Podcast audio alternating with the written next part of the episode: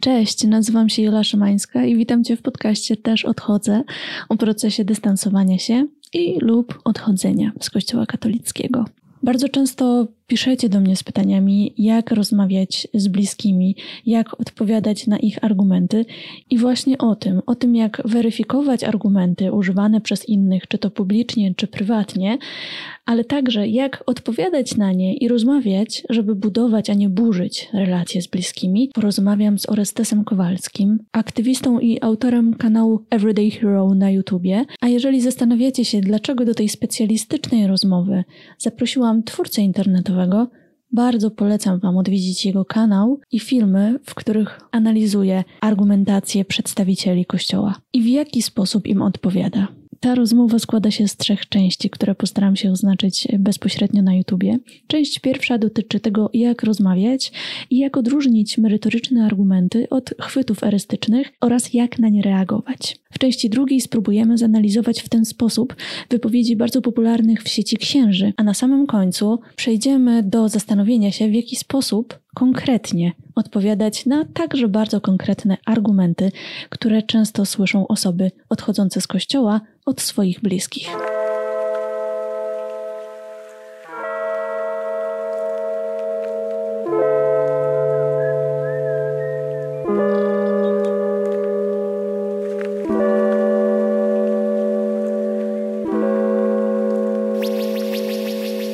Cześć Orestes. Cześć, cześć, cześć Jolu. Jak się czujesz w tym podcaście, w podcaście, w którym porozmawiamy na temat y, argumentów związanych z odejściem z kościoła i w ogóle jak, jak ty się czujesz, kiedy myślisz o tym temacie odchodzenia z kościoła katolickiego? Akurat w tym, w tym pierwszym temacie czuję się bardzo dobrze. Lubię o tym mówić, lubię o tym czytać, lubię się tego uczyć, więc jakby to jest mi bardzo bliski temat, e, czyli szukanie wartości w rozmowie, uczenie się tak rozmowy, czy, czy przekazywania wartości, żeby, żeby to było skuteczne i jak najbardziej dobre dla ludzi, e, nie tylko dla mnie. E, jeśli chodzi o tę drugą kwestię, to Myślę, że zdecydowanie odstaję od, tutaj od innych gości, bo no na szczęście, mogę tak chyba powiedzieć, w swoim przypadku nie miałem żadnych problemów, jeśli chodzi o problemów. Mm, no moje wyjście z kościoła było bardzo takie proste. Nigdy nie byłem mocno wierzący, bardzo szybko przestałem wierzyć, jak miałem kilkanaście lat e, i to dosyć wcześnie, myślę, że koło gimnazjum.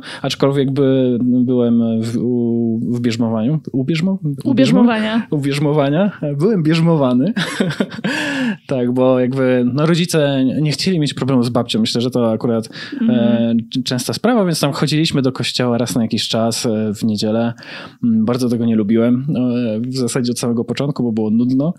I, no i tak, i moje wyjście z kościoła to tak, nawet nie wiem, czy można powiedzieć o wyjściu z kościoła, kiedy tak nigdy nie czułem się jego częścią, więc, więc tak to trochę wygląda. Ale temat cię interesuje, bo na swoim kanale masz e, szereg filmów tak naprawdę o argumentach, e, których używają e, katolicy próbując czy starając się przekonać kogoś do czegoś im bliskiego, więc to temat chyba jednak dla ciebie ważny. Tak, zdecydowanie. Nie o tyle właśnie personalnie ważny, że ja się z tym mierzę, ale staram się poruszać u siebie na kanale takie tematy, które są ważne społecznie, ważne dla innych ludzi, często mniej bliskich, ale to nie jest jakby najważniejsze. Tylko gdy widzę, że temat, gdy poruszenie tego tematu może przynieść jakąś wartość innym ludziom i, i może coś zmienić, na przykład w ich postrzeganiu tego tematu, więc jak najbardziej, mm, no nie ukrywajmy, Kościół ma bardzo duży wpływ na to, co dzieje się w Polsce, ma duży wpływ na to, jak ludzie postrzegają niektóre rzeczy, a że też często poruszam kwestie związane z etyką, z moralnością, które są mi bardzo bliskie,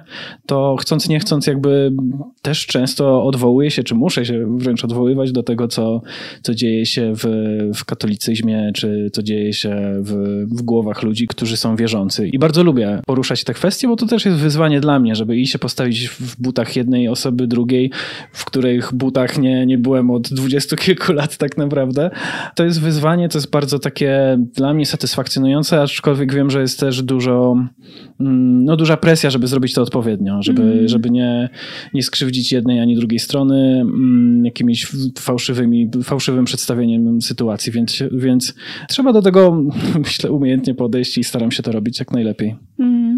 Zaprosiłam Cię jako specjalistę, bo, bo kiedy myślę o temacie dyskusji, prowadzenia sporów, mm, przedstawiania swojej argumentacji, to nie może mi nie przyjść na myśl e, Twoja argumentacja wielu filmów, zawsze spokojna i merytoryczna. I tak jak powiedziałeś, zauważająca obie strony i jakby poważnie traktująca wszelkie argumenty, ale także na, na samym początku może określa taką różnicę tego, o czym dzisiaj będziemy rozmawiać od poprzednich filmów, na przykład z psycholożkami, z psychoterapeutkami, z którymi rozmawiałam o tym naszym emocjonalnym przeżywaniu rozmowy, emocjach związanych z relacjami, o tym, kiedy postawić granice, kiedy zakończyć daną rozmowę, bo już nie chcemy jej dalej prowadzić. A my tutaj dzisiaj porozmawiamy o tak naprawdę intelektualnej stronie rozmowy i podejścia do rozmowy i podejścia do dyskusji. Nie będę cię prowokować tutaj do wchodzenia w buty psychologów, ale właśnie porozmawiamy o samych, y, o samych dyskusjach w taki trochę bardziej praktyczny sposób. Dobrze, no to zacznę od takiego y, pierwszego podstawowego y, pytania. Ono może zabrzmi naiwnie, ale wydaje mi się, że od niego, od zastanowienia się nad, nad tym i od zadania tego pytania warto w ogóle zacząć e, naszą rozmowę. Jak według Ciebie w ogóle powinna wyglądać uczciwa rozmowa dwóch dorosłych ludzi? Czy na, na czym powinna polegać? Myślę, że to jest bardzo ważne pytanie i też w sumie nie jest takie łatwe, jakby się można było spodziewać, bo bo oczywiście pierwsze, co nam przychodzi na myśl, to a, żeby była cywilizowana, żeby była kulturalna, żeby wszyscy byli zadowoleni. No, wiemy, że tak nie, nie zawsze to wygląda. Myślę też, że każda rozmowa jest inna. W tych technikach, które, które, którymi się interesuje, rozmawiania, ważne jest też wyznaczenie sobie celu tego, jak podchodzimy do jakiejś rozmowy. I każda rozmowa może mieć inny cel, bo czasami mm. mamy taki cel, że chcemy kogoś do czegoś przekonać, albo chcemy przekonać, żeby zrezygnowała ta osoba z jakiegoś poglądu, który, który uważamy za, za niesłuszny, albo może nam zależeć tylko na tym, żeby, żeby doszła do tego, w jaki sposób postrzega swoje, swoje poglądy, czy jak doszła do tych poglądów. Ale jeśli miałbym stwierdzić, jaka jest um, główne zasady tego, jak rozmowa powinna przebiegać, czy jaka jest wartościowa rozmowa, to myślę, że, że najważniejsze jest to, żeby przynajmniej jedna osoba do czegoś doszła, do czegoś się nauczyła. Oczywiście pomijam już te kwestie, żeby, żeby było cywilizowanie i kulturalnie, mm bo mhm, myślę, że to mhm. jakby rozumie się samo przez się, ale mm, jeśli chociaż jedna osoba coś wyniesie z tej rozmowy, to już, to już warto było ją przeprowadzić, w sensie jeśli jesteśmy na plus w, czymś. I też mm, w tym, co ja robię, czym, czym się interesuję i co jest mi bardzo bliskie, to absolutnie odchodzenie od tego formatu debatowania, dysku, dyskusji, czyli bardziej traktowania rozmowy jako meczu czy jako pojedynku, mm -hmm, nie? Że, mm -hmm. że ktoś wygrał, ktoś przegrał. I ja myślę, że to jest bardzo, bardzo szkodliwe. Mm, czasami ten format się sprawdza, czasami jest on e, nieunikniony, na przykład w jakichś sporach politycznych, debatach i tak dalej ale w takich codziennych rozmowach, też o wartościach takich bardzo nam bliskich i bardzo ważnych, mm, powinniśmy zdecydowanie od tego odchodzić, bo, bo to do niczego nie prowadzi. Bardzo często, mm, na co też niektóre badania wskazują, prowadzi do jeszcze bardziej okopywania w tych, się w tych poglądach, w których jesteśmy, no nie, a nie o, to, nie o to chodzi. Więc warto zwrócić uwagę, że nie to, że kogoś przekonamy do czegoś, ale to, że dowiemy się y, o kimś czegoś więcej, w sensie o tym, dlaczego doszła ta osoba do jakichś y, poglądów, jest już tak niesamowicie wartościowe, że, że chociażby z tego względu warto by prowadzić y, rozmowy. To ciekawe, co mówisz, bo tak sobie myślę, że no często stawiamy sobie za cel, że ach, przekonam tego wujka, tej ciocie, ojca, mamę, babcię, a może bardzo takim ciekawym i, i też uwalniającym jakoś będzie takie podejście, że może dzisiaj się po prostu dowiem, dlaczego oni tak myślą i jakoś zobaczę, czy jestem w stanie dziś to zaakceptować, czy nie, co to mi robi, że oni myślą właśnie tak i czy jestem w stanie się czegoś więcej o nich dowiedzieć w tej rozmowie. To zupełnie inna perspektywa spotkania. Tak, i najbardziej uwalniające dla nas, nawet jako tych, tych osób, które, które chcą się mierzyć z trudnymi na przykład e, rozmowami, z trudnymi poglądami dla nas, jest to, że jeśli traktujemy to jako wygraną, przegraną, jako walkę z kimś, to bardzo łatwo się też irytujemy, frustrujemy i jesteśmy przekonani, że nic z tego nie wyszło. Jeśli podchodzimy do tego, że a, to przynajmniej dowiem się, jak ta osoba, dlaczego doszła do takich poglądów, jesteśmy otwarci, nie irytujemy się, bo nie chodzi nam o to, żeby kogoś przekonać i możemy tutaj przegrać, bo, bo łatwo łatwo przegrać, bo, no, bo nieczęsto ludzie zmieniają tak z dnia na mhm. dzień poglądy, ale zawsze się dowiemy tego, dlaczego ta osoba myśli o tym tak, jak, jak myśli i to jest niezwykłe, żeby się o tym dowiedzieć i to jest niezwykłe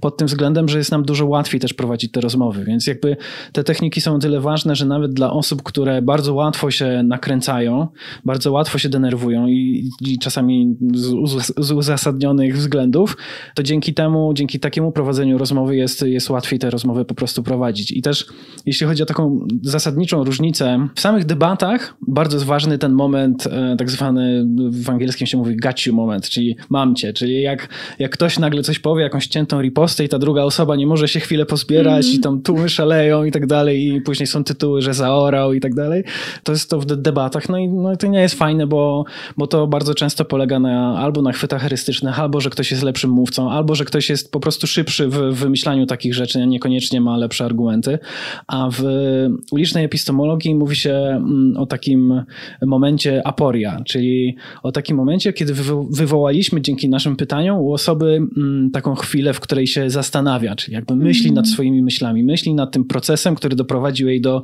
do jakiegoś przekonania. I to właśnie przeważnie wygląda tak, że na chwilę, na chwilę milczy, my też milczymy, nie wchodzimy już w, te, te jej, w, w, w jej milczenie, czy nie zakłócamy tego i pozwalamy jej się zastanowić, bo to jest no bardzo rzadko też mamy okazję tak szczerze usiąść i pomyśleć nad tym, dlaczego doszliśmy do takich poglądów, jakie mamy teraz. Więc, więc ten, ten moment, ta aporia jest, jest też niezwykłym przeżyciem, kiedy się z kimś na przykład rozmawia i, i dojdzie się do tego momentu i to jest też dla takich momentów warto rozmawiać. I to chyba pomaga nawet niekoniecznie może zmienić, nie wiem, kogoś opinię, kogoś zdanie, ale to może tej drugiej osobie pomóc samą siebie lepiej zrozumieć. To w ogóle fascynujące, bo zupełnie jeszcze razem możemy dojść do tego, kim jesteśmy gdzieś tam głębiej. Tak, zdecydowanie. No i myślę, że właśnie jeśli tak to potraktujemy, jako tak, że nie jesteśmy przeciwnikiem tej osoby, tylko, nie wiem, pomagamy jej, takim przewodnikiem powiedzmy, ale też nie, nie tak patrząc z góry, że my coś wiemy, a ta osoba nie wie, mm. tylko że my na przykład znamy pewne techniki i pomagamy jej mm. dojść do tego, czemu, y, czemu wierzy w to, co wierzy, albo czemu uważa coś za prawdziwe. I czasami te rzeczy są prawdziwe, więc y, też damy jej do ręki jeszcze bardziej się na przykład utwierdzi w czymś, co mhm. jest, mm -hmm. co jest dobre. I może przy okazji sami także o sobie się czegoś Dokładnie, dowiemy. dokładnie tak, no bo jakby też podchodząc do rozmowy bardzo często podchodzimy, że my coś wiemy, chcemy coś powiedzieć, a mm -hmm. jeśli byśmy podchodzili do rozmowy, że dobra, jesteśmy otwarci, ja też mogę czegoś nie wiedzieć, przecież to jest, to jest oczywiste, każdy z nas ma, ma jakieś luki w swojej wiedzy, ma jakieś błędne poglądy, więc jeśli będziemy do tego podchodzić w taki sposób, e, to zupełnie inaczej ta rozmowa będzie wyglądać. Ja właśnie, gdy, gdy mowa jest o takich, o początku początku rozmowy, czy podchodzeniu do rozmowy, jest taka krótka historyjka z buddyzmu zen, w której mm, jeden profesor idzie do mistrza zen, tam zawsze się chodzi do mistrza zen i właśnie chce, no idzie na górę, ten mistrz mieszka, mieszka w górach w chatce i, i ten profesor chce go spytać tam o oświecenie, o buddyzm, jest taki bardzo, bardzo zafascynowany, taki bardzo gorliwy i, i przychodzi, no ten mistrz go przyjmuje do siebie mm, i mówi mu, żeby usiadł, że naleje mu herbaty no i przygotował tą herbatę i zaczyna mu lać do tego, do filiżanki. No i tak leje, leje, ta woda, ta herbata się tam podnosi, no i nagle tak już dochodzi do samego szczytu i się zaczyna wylewać z tej filiżanki. Tam ten profesor nie wie o co chodzi. Tak patrzy, no jak za, zaczyna już się tak wylewać na ten spodek i już prawie na stół, to nagle krzyczy, a, że co się dzieje, że tu jakby się wylewa i jaki to ma, że to bez sensu, że, żeby, żeby już przestał to robić. No a ten e, mistrz wtedy mówi, że nie mogę, nie mogę cię nic nauczyć, jeśli nie będziesz, mm, że jesteś taki przepełniony tymi różnymi informacjami i przychodzisz do mnie z pewnymi już ideami na temat mhm. tego, co ja bym cię chciał nauczyć, a powinieneś być jak pusta filiżanka. I trochę też tak podchodzimy do, do rozmowy. Jak na przykład wiemy, że będziemy rozmawiać, na przykład ja jako ateista z katolikiem, to mogę też mieć już masy wyrobionych poglądów na temat tego, dlaczego ta osoba jest taka, a nie inna, w co wierzy, w jaki sposób doszła do tego. A to jest mega szkodliwe, bo jednak każdy ma inną historię, każdy mhm. ma coś coś innego do powiedzenia i to, że ja mam takie już schematy myślowe, tak naprawdę i mnie ogranicza i też ogranicza możliwość konstruktywnej rozmowy i tego, żebyśmy coś z tego wynieśli razem. No i już y, mamy jedno pytanie, które może zmienić wiele, wiele, wiele rozmów, czyli dlaczego tak myślisz? Po prostu. Tak, tak, dokładnie. Ale powiedziałeś słowo techniki, powiedziałeś y, także o epistemologii ulicznej, a słowo techniki to od razu, no mi się kojarzy, że czy to są jakieś takie sposoby, żeby jakoś, nie wiem, przechytrzyć kogoś, żeby być jakoś sprytniejszym i coś ugrać? Co to znaczy, że to są e, techniki czy technika i czym jest epistemologia? Uliczna? Mhm.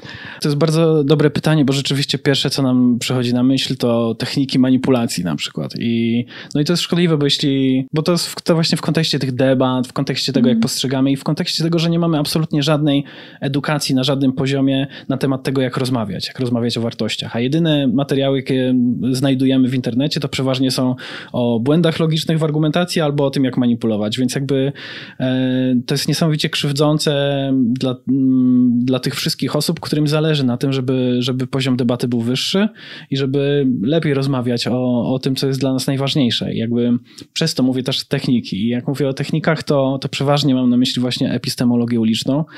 Ta nazwa jest taka trochę myląca i trochę zniechęcająca, bo brzmi, moim zdaniem brzmi fatalnie.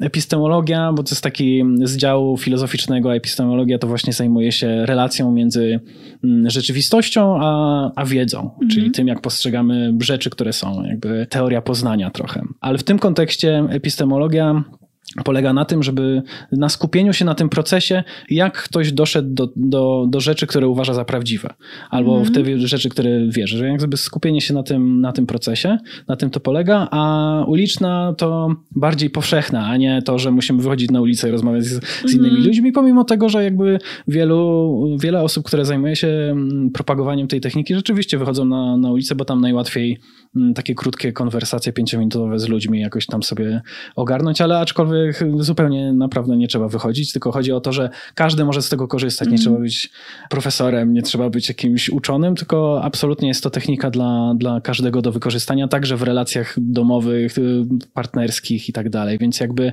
na tym to mniej więcej polega, a jeśli chodzi o samą technikę, to głównie bazuje to na metodzie mm, sokratycznej, czyli na, na pytaniach.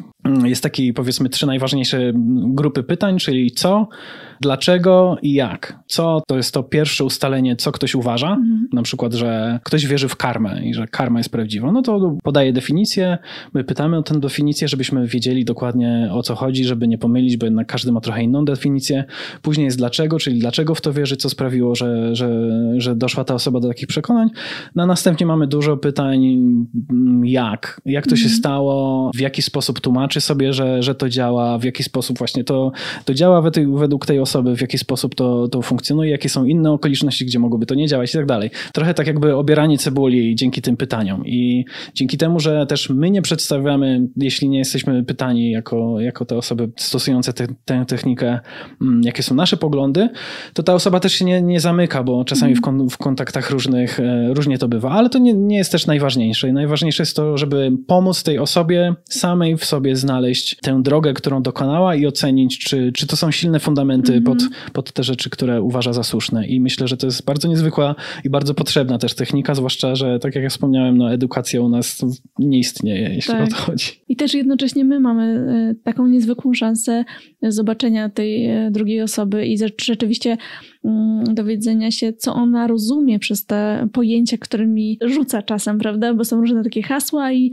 w zasadzie różnie, różnie można je e, rozumieć. Nawet, nie wiem, można rzucić hasło jestem przeciw aborcji, nie? Ale co to dla ciebie znaczy, dlaczego tak myślisz, a później jak to u ciebie, jak to sobie wyobrażasz. Wydaje mi się, że nawet y, ciekawe byłoby takie porozmawianie, z, z, zaczynając od własnych rodziców, rodzeństwa, że to takie jest no, na nowo poznanie bliskich, nawet czasem nam osób. Oczywiście, jeżeli są na to gdzieś tam otwarci, ale, ale może są tacy szczęśli, szczęśliwcy i wierzę w to, że, że tak, także może być. Tak, dokładnie. Zwłaszcza też nie chcę, żeby to zabrzmiało, że to tylko polega na tym, żeby dochodzić do prawdy, czy czy jakieś tam sprawdzać, jakie to ma podstawy mm. formułowania poglądów, ale że to jest bardzo, bardzo przydatne w takich konwersacjach i w poznawaniu ludzi, zwłaszcza i też były takie badania, które sprawdzały, jak osoby o różnych poglądach postrzegają osoby o przeciwnych poglądach, w sensie jak wyobrażają sobie, że tamte traktują różne, różne kwestie. I na przykład były osoby o bardzo lewicowych poglądach, były osoby o bardzo konserwatywnych i były tam pytania, mieli na skali od 1 do 10 określić, jaki jakich jest stosunek do bezpieczeństwa, do rządu, a z drugiej strony do równości, do tolerancji i tak dalej. No i miały jakby wejść w buty osób o przeciwnych poglądach mm. i pozaznaczać to. I się okazało, że mm, no bardzo słabo nam się to udaje, że, że mamy pewne wyobrażenia, które nie są zgodne z rzeczywistością i, i na przykład przypisujemy dużo, e, dużą większą wagę, bo myślimy, że ktoś ma e, takie podejście dużo mocniejsze w niektórych kwestiach, a tak naprawdę nie jest, bo, bo po prostu siebie nie znamy, nie, nie potrafimy się ze sobą komunikować i przede wszystkim właśnie nie znamy tych pobudek, dlaczego ktoś tak myśli i bardzo łatwo nam przypisywać jakieś takie niezbyt pozytywne motywacje tym ludziom, że, że a on na pewno tak myśli, bo nienawidzi imigrantów, albo on tak na, na, na pewno myśli, bo, bo nie wiem, bo, bo nienawidzi kobiet, albo tak mm. ten. I w ogóle z tego badania wyszło, co najciekawsze, że te osoby o lewicowych poglądach najsłabiej wypadły w tym, w tym badaniu. Tak, to było dla mnie też zaskoczenie, no aczkolwiek no wszyscy słabo wypadli i, no i to też jest problem. E, mhm. Myślę, że to no, wpływa na to wiele czynników, łącznie z polaryzacją oczywiście tam polityczną i społeczną, ale te różne mm, techniki, czy skupienie się na tym, żeby rozwijać się w rozmowie i w wymianie poglądów też pomaga przełamać te bariery, mm. żeby jednak zrozumieć osobę, bo w tym jest najważniejsze e, w tej technice, żeby, żeby zrozumieć tę osobę, a nie mm. po to, żeby ją przekonać do czegoś albo odwieść od albo jakiejś... coś tych... udowodnić. Tak, dokładnie. A dlaczego osoby o lewicowych poglądach najsłabiej wypadły? Czy to wiadomo? A wiesz co, nie. Tego e, w sensie nie wiem. Nie wiem, czemu tak e, wypadło. Jest to ciekawe, musiałbym sprawdzić, ale nie wiem, czy było wyjaśnione, bo, bo przeważnie jednak okay. badacze unikają jakieś tam teoretyzowania na, na ten temat. No nie wiem. Nie, no, wiem, ciekawe. nie wiem dlaczego. Porozmawiamy sobie zaraz o tym, jak weryfikować w ogóle to, co jest nam komunikowane, bo żeby przejść do dalszej części naszej rozmowy, czyli już analizy różnych argumentów, e, które słyszymy, odchodząc z kościoła, bo w takim kontekście rozmawiamy, to pierwsze porozmawiamy sobie, na czym w ogóle polega wartościowy argument. Co jest według Ciebie takim uczciwym przekazem, uczciwą argumentacją, co jest w niej najważniejsze, a czego w niej nie powinno być? Myślę, że najważniejsze, żeby był logiczny, e, żeby składał się z jakichś logicznych przesłanek i logicznych wniosków później wyciągniętych z tych przesłanek. Jakby każdy ten element musi, musi mieć sens i jakby później można to analizować, która część jest ważna, która nie. A, no ale to jest najważniejsze. Jakby po prostu mamy ich zdanie. Mm, czasami może być błędne, ale musimy starać się po prostu uważać na to, żeby, żeby miało sens w takiej mm, strukturze właśnie logicznej. Absolutnie nie trzeba ku temu e, tych całych, mm, nie wiem, czy to dobrze powiem, równań logicznych, ale, no ale są tam, w logice też miałem logikę i to A było tak, dla mnie... bo to są same rachunki tak, takie matematyczne. Tak, i to jest, to już... nie, absolutnie nie trzeba tego mhm. znać, nie trzeba się tym interesować, na, na chłopski rozum można to, można to pojąć. No i łatwo też jakby w rozmowie dojść do tego, jeśli mamy też partnera, partnerkę, która, która y, ogarnia te kwestie, albo która nam pomoże z tym, to, to nie ma w tym problemu, ale też w internecie jest masa, masa informacji. Jakby myślę, że też zdecydowanie łatwiej na przykładach na przykład to rozkminić, co jest wartościowym argumentem, a co nie. Dobra, no to w takim razie zobaczmy sobie to na przeciwieństwie e, uczciwych argumentów, czyli na chwytach erystycznych. Erystyka to sztuka prowadzenia sporów i, i, i taką słynną książkę opisującą je i mm, no, będącą takim poradnikiem, jak właśnie tutaj w rozmowie mm, troszkę manipulować, żeby wyszło na nasze. E, taką książkę mm, napisał Arthur Schopenhauer. W jednym z twoich filmów analizujesz wybrane chwyty erystyczne i o nich sobie powiemy. Pierwszym z tych chwytów jest chwyt na autorytet. Co to znaczy? Co to jest zachwyt erystyczny? To jest jakby w skrócie po prostu odwołanie się do autorytetu, czyli wskazanie, nie skupienie się na tym, czy nasz argument ma sens, tak jak wspomnieliśmy, czy jest logiczny i jest uzasadniony, tylko wskazanie, że ktoś, komu wielu, wiele osób ufa, powiedział właśnie to samo. Wyłącznie to, że ta osoba to powiedziała, a nie to, czy ten argument ma sens, ma wystarczyć, żeby kogoś przekonać i bardzo często to działa, e, jeśli chodzi na przykład o kwestie związane z wiarą, z religią, no to myślę, że w Polsce najczęściej jest to powoływanie się na Jana Pawła II. I, Naszego papieża. No oczywiście. i to działa i też jakby nawet to jest taki dodatkowe, dodatkowy w tym element e, z Janem Pawłem jest taki, że to jest obarczone też trochę emocjonalnym i takim historycznym powiązaniem Polaków z, z papieżem, więc nawet sprzeciw nawet jeśli będzie logiczny Mhm. e, i uzasadniony, to może być odebrany jako atak na świętość i tak dalej. Więc jakby czasami jest to bardzo mocny chwyt erystyczny, Mhm. który, na który trzeba uważać. No. Chociażby mówienie o cywilizacji śmierci czy cywilizacji życia, o niej mówił Jan Paweł II, więc to jest dowód na to, że ona istnieje. Tak, tak, właśnie. Ale też myślę sobie o powoływaniu się e, na księdza, czy to ogólnie na księży, czy to konkretnie na jednego jakiegoś księdza, który w danym środowisku jest autorytetem, czy na biskupa, czy na jakiegoś e, kardynała tysiąclecia, ale też na Pana Boga, prawda? Czy na Boga, e, na Jezusa, e, na Maryję, na, na świętych także. To, to także mogą być takie dowody na to, że przecież dobrze mówię. Ja sobie także myślałam w kontekście tego chwytu na autorytet, bo ostatnio na Instagramie też odchodzę, czyli profilu podcastowego, otrzymałam taką wiadomość, e, bo dyskutowaliśmy o Karolinie Kuskówny i, także o Marii Goretti, o której w ostatnim odcinku wspominała Kasia Koczułap. I wiadomość brzmi: Karolina Kuskówna nie dość, że jest moją patronką, to jeszcze patronką parafii, w której moja młodsza siostra szła do komunii. Dzieci w rocznicę komunii jeździły do miejscowości, z której pochodzi i w czasie spaceru po tym lesie słuchały szczegółowej historii męczeństwa. Ona, to była próba e, gwałtu i po niej morderstwo młodej dziewczyny, a dzieci, które w rocznicę komunii tam jeździły, miały po 9 lat. I tak sobie myślę, że sytuacja no, jest co najmniej niepokojąca. Dziewięcioletnie dzieci są wożone na miejsce tak naprawdę, w którym została zamordowana młoda dziewczyna, która broniła się przed mężczyzną, który e, chciał ją zgwałcić i jest im opowiadana ze szczegółami ta historia. Te dzieci jakby absolutnie w wieku 9 lat nie są jeszcze na to psychicznie, emocjonalnie gotowe. I jedynym uzasadnieniem na to jest to, że to jest święta.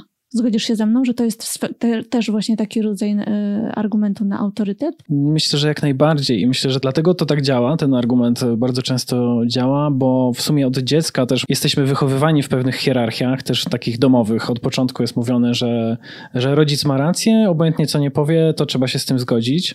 Później mamy nauczycieli, z którymi nie możemy dyskutować. Jakby nigdy nie mamy podane tego, że argument musi mieć sens, tylko mamy tak, że ktoś tak mówi i my musimy Mhm, słuchać, więc mhm. od początku jesteśmy wdrażani w ten system, uczeni tego, tak jak wspomniałaś o tej historii, to też jest jakby takie mm, wspieranie tego systemu i pokazywanie, że nie musicie myśleć, tylko macie słuchać tego, co, co zostało powiedziane, czy to ta osoba powiedziała, jak się Tak. zachowywała i tak nie dalej. zastanawiajmy się, czy dziewięciolatki są na to gotowe. To nie jest istotne. Istotne jest to, że tam zginęła święta, oni mają rocznicę komunii. Tak, właśnie. I każdy też, za każdym razem, gdy, gdy takie e, dziecko chciałoby zaprotestować, no to jest uciszane i, i stwierdzane, że, że, że nie można z tym dyskutować. I Mm. myślę, że też duży wkład ma w to, to zresztą religia czy, czy kościół, że, że tam nie ma zbyt dużego pola do dyskusji, czy do, do mm, zastanawiania się nawet, Mhm. czy, czy coś jest słuszne, czy coś nie, bo jednak no, Bo mamy są wyz- autorytety. są autorytety, dokładnie. I to też mogą być autorytety pod, w, na przykład w formie katechizmu kościoła. Nie? To nie Mhm. musi być no, osoba konkretna. Jakby to są rzeczy, których nie można kwestionować, a które bardzo dużo ludzi, a czasami no, nie musi to być dużo, ale na przykład w danym gronie mm, jest to poważane, więc, więc to jest autorytet Mhm. i, i tego trzeba się trzymać. Kolejny chwyt erystyczny to um, pojęcia ogólne, czyli powoływanie się na takie ogólne pojęcia bez tłumaczenia ich, um, przyjmowanie za oczywiste.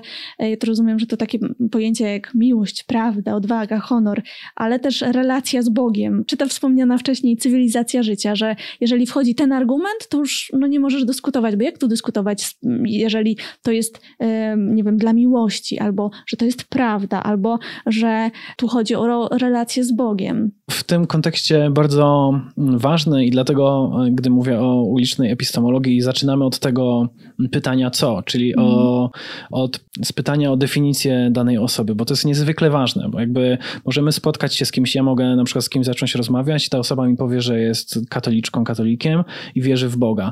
Więc ja nawet, e, jakby na przykład to ma być treść naszej rozmowy, to ja chcę wiedzieć dokładnie, co ona uważa, Mhm.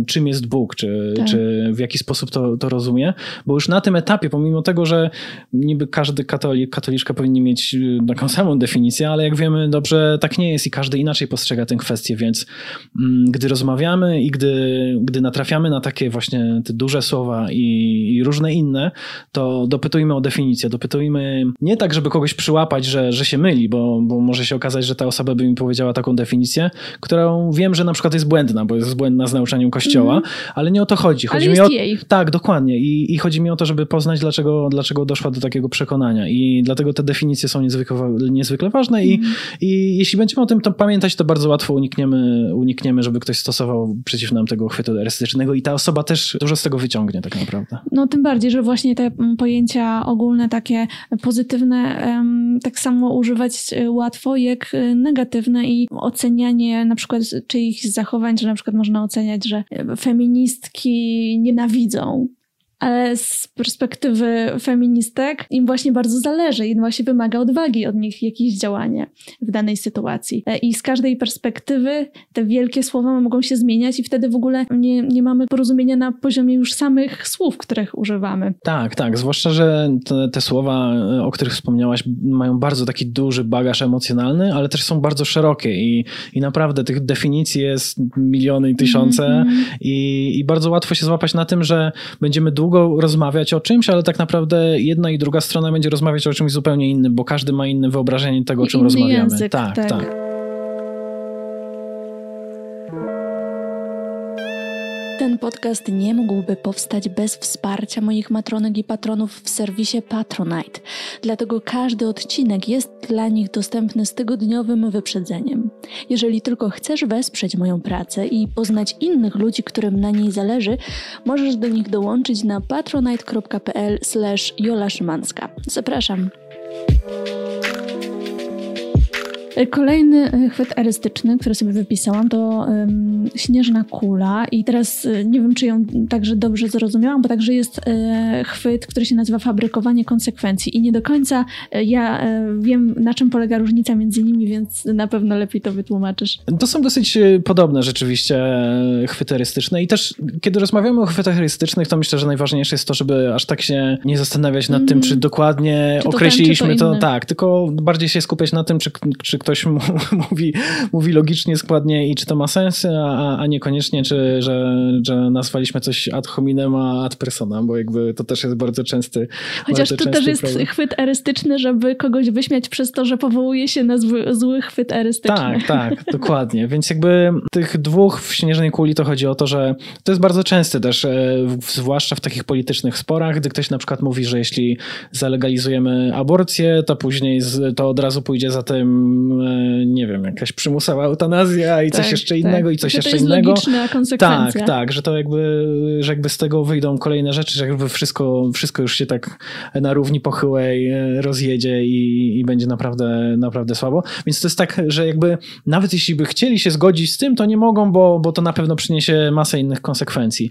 To fabrykowanie konsekwencji też jest trochę podobne, tylko bardziej to działa na tym pojedynczym przykładzie, że, mm. że, że nie podaje się, że kolejne jakieś różne, różne rzeczy się zdarzą, które, które też będą miały jakieś swoje konsekwencje, tylko ta jedna, ta jedna rzecz, mm, którą, na którą się powołujemy, to wymyślamy do tego jakąś konsekwencję, która niekoniecznie mm, musi mieć związek z tym. Więc jakby to jest bardzo, myślę, że podobne i bym się tym nie przejmował, tylko zwracam uwagę na to, że, że mogą ludzie używać mm, takich argumentów, mm. wymyślając rzeczy, które niekoniecznie mogą, mogą, mogą mogło się stać.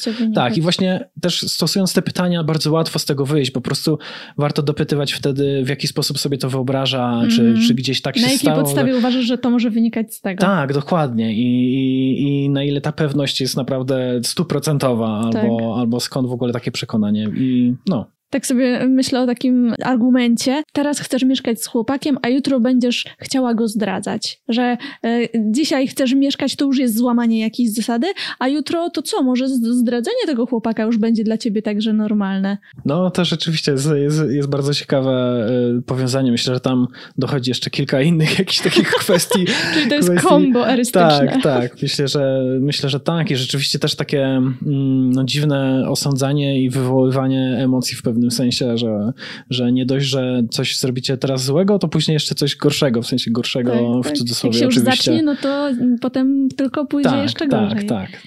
Okej, okay, no to przejdźmy do tego um, argumentu ad hominem, czyli wytknięcie, że coś y, ktoś kiedyś zrobił, a teraz robi albo mówi coś innego. No i też od razu sobie myślę o tym, kiedyś byłaś taka wierząca, a teraz co? Co się, co się z tobą stało? Przecież to irracjonalne, nawet ciężko to nazwać argumentem, prawda? Tak, tak. No to jest, właśnie na tym polegają te, te rzeczy, że to się tak nie trzyma kupy, jeśli, się, mm -hmm. jeśli to rozłożymy na czynniki pierwsze. Tutaj w tym przypadku właśnie też wspomniałem, że ad hominem i ad personam bardzo często i za granicą jest tak mieszane i używane jako, jako synonimy, ale też przez różnych i przez Schopenhauera, wcześniej przez Johna Locke'a też trochę inne definicje mieli, więc jakby ja tak traktuję, że ad hominem bardziej odwołuje się do tej takiej hipokryzji, czyli że robimy mm -hmm. jedno, a ktoś nam zaczął za coś innego i to warto zwrócić na tym uwagę, bo rzeczywiście może tak być, że na przykład ktoś mówi mm, coś y, mądrego, ale sam tak nie postępuje, to wcale nie oznacza, że to, co powiedział, nie ma sensu. Na mm -hmm. przykład, że ktoś żyje zupełnie nieekologicznie, ale ma jakieś postulaty, w sensie wypowiada jakieś zdanie, które ma sens. Warto o tym też pamiętać, że, że, że to, jak kto żyje, mm -hmm. nie mhm. musi mieć związku z tym, czy, czy mówi prawdę, czy nie. Plus to, że kiedyś żył inaczej, też można zawsze jednak dopytać, czy nie nastąpiła jakaś zmiana, a poza tym możemy być już świadomi, że coś będzie bardziej wartościowe, ale jeszcze nie jesteśmy gotowi do końca wprowadzić to w życie, albo wprowadzamy bardzo stopniowo, tak, bo tak, także prawda. mamy do tego prawo. To prawda. A argument ad personam, no to już taki osobisty atak, tak? Tak, tak. No tutaj można łączyć właśnie i jakieś takie wyzwiska. Ty jesteś taka ataka, ty jesteś taki tak, ataki. No, więc jakby to jest takie naj, najprostsze i mm najbardziej powszechne rozumienie i mhm. rzeczywiście też najłatwiej to zauważyć w sumie. Mhm. No i argument ad populum, czyli taki populistyczny, że przecież wszyscy Polacy chcą tego, przecież wszyscy Polacy są katolikami, więc w Polsce nie powinno być zgody na aborcję, bo jesteśmy katolickim krajem. Tak, no myślę, że, że właśnie podałaś najlepszy przykład. Bardzo często to też się objawia takim trochę zakamuflowanym, a że jakbyśmy teraz wyszli na ulicę i spytali kogokolwiek, to by powiedział coś tam. Mm. Jakby coś tam, co akurat pasuje pod naszą tezę. Jak się oczywiście w, zagłębimy w to bardziej, to, to dojdziemy do tego, że to jest, no absolutnie nie jest dobre postrzeganie rzeczywistości, bo wtedy każdy może tak powiedzieć. Każdy może y, powiedzieć, a no i też do, doskonale wiemy, że to, że nawet w coś wierzyła większość, czy uważa za prawdziwe, wcale nie oznacza, że to jest prawdziwe. No i także, y, jeżeli byśmy tak wyszli na ulicę i zapytali Polaków o czasem podstawowe prawdy wiary, no to myślę, że także moglibyśmy się bardzo zdziwić, co by nam powiedzieli, bo także z rozmowy mojej z profesor Katarzyną Zielińską, socjolożką, się dowiedziałam, jak wiele mylnych przekonań e, mają katolicy na temat własnej wiary i jednocześnie będąc katolikami wierzą na przykład w przeznaczenie e, albo także w karmę. Więc no, gdyby rzeczywiście wyjść na ulicę i tak zapytać ludzi, czego naucza Kościół katolicki, no to chyba nie do końca by się to tak zgadzało rzeczywiście z oficjalnym nauczaniem Kościoła katolickiego. Myślę, że to jest też bardzo ciekawe, co powiedziałaś, bo mm, jest taki e, mechanizm, który jest nazwany efekt nieprzeczytanej, nieprzeczytanej biblioteki. Mhm. I to polega na tym, że rzeczywiście wszyscy mamy dostęp w sumie do wiedzy, często powołujemy się na tę wiedzę, ale tak naprawdę tak jakbyśmy mieli dostęp do biblioteki, do tych książek, ale ich nie przeczytali. I w tych technikach różnych mm, rozmowy i tego pomagania komuś dojścia do tego, co myśli i co uważa, często zwraca się uwagę na tę technikę, mm, że wystarczy kogoś dopytywać, żeby nam wytłumaczył dokładnie o co chodzi. Mhm. I ta osoba przez to, że, że opowiada o czymś, nad czym tak naprawdę nigdy mocno się nie zastanowiła, e, nie ma dobrego przygotowania, bo tak nie przeczytała książek, nie, nie nabyła tej wiedzy, to bardzo często następuje taka deradykalizacja, że, że ona sama, ta osoba poznaje, że jednak nie wie tego, jak to by działało, czy to ma sens do końca, bo nie potrafi tego wytłumaczyć. Na przykład, jeśli ktoś ma mocne poglądy na temat usuwania imigrantów z kraju, jeśli będziemy zadawać pytania, no w jaki sposób to zrobić, jakie służby by były za to odpowiedzialne, jaka procedura prawna, prawna, jakie ustawodawstwo, jakby trzeba dzielić tych ludzi, którzy żyją ile lat, ile lat. Ta osoba dzięki tym pytaniom sama dojdzie do tego, że jednak nie ma takiej dobrej wiedzy i że to nie może mieć takiego silnego przekonania, bo no skoro nie wie, jak to może być wprowadzone, no to nie może być też stuprocentowo pewna, że jest to prawdziwe.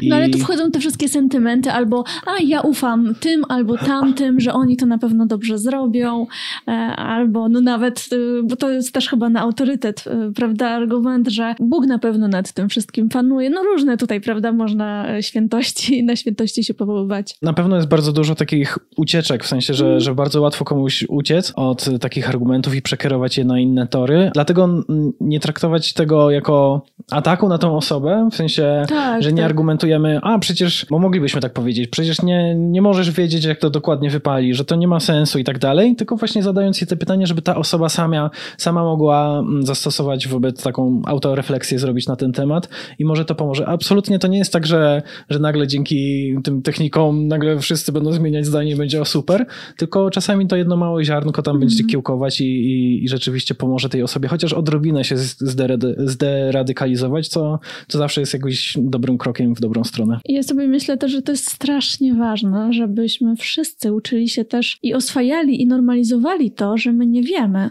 że my wielu rzeczy nie wiemy i to też jest świetna odpowiedź na wiele pytań. Ja po prostu nie wiem, w tym momencie nie wiem, muszę się zastanowić, muszę poczytać, a może nie, bo to nie jest ten moment w życiu, że jestem na to gotowa albo chcę się tym głębiej zająć, ale właśnie to jest tak dużo bardziej wartościowe powiedzieć nie wiem, niż próbować walczyć e, jakby bez tej wiedzy, e, czy na, czy na przykład oddawać swoje jakieś zdanie, czy swoją ufność jakiejś często nieznanej postaci e, w polityce, czy, czy w życiu społecznym. No bo po prostu masz prawo nie wiedzieć i, i naprawdę to jest zupełnie okej. Okay. Bardzo dobrze, że zwracasz na to uwagę, bo to są dwie kwestie, czyli ten efekt nieprzeczytanej biblioteki absolutnie powinniśmy też stosować sami sobie, czyli na przykład zastanowić się, jaki mamy pogląd i czy jesteśmy w stanie go dokładnie wytłumaczyć komuś, przedstawić to, sprawdzić, czy będzie działał w każdej sytuacji i tak dalej, i tak dalej. To jest niesamowicie pomocne, żeby tak nabrać tej pokory i,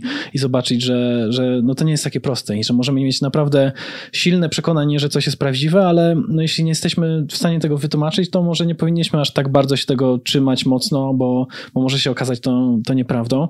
A druga kwestia, czyli to, że nie potrafimy mówić nie wiem. To jest, e, to jest jakaś plaga. To jest znowu kwestia pewnie trochę mm, edukacji, bo jednak w szkołach nie wypada mówić nie wiem. Nie jest to mile widziane.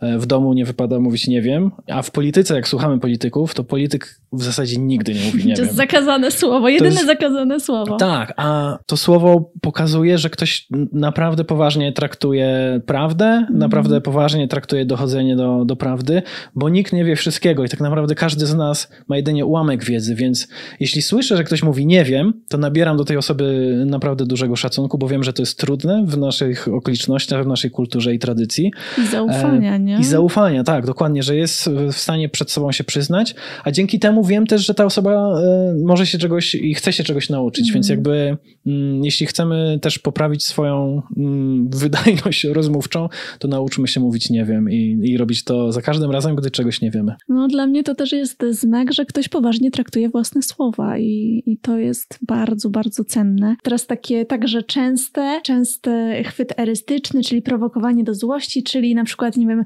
wyzwanie kogoś albo już takie no, różne sposoby, żeby kogoś sprowokować do złości, zachować spokój, a żeby ta osoba wybuchła i wtedy jakby stworzyć takie wrażenie, że ona jest niepoważna albo że rozchwiana emocjonalnie, jakkolwiek by to określić. Dobrze rozumiem? To... Tak, tak, bardzo dobrze. No i rzeczywiście to bardzo dobrze wy, wy, wypada w różnych debatach. W telewizji. W telewizji. E... Przy rodzinnym stole może czasem też.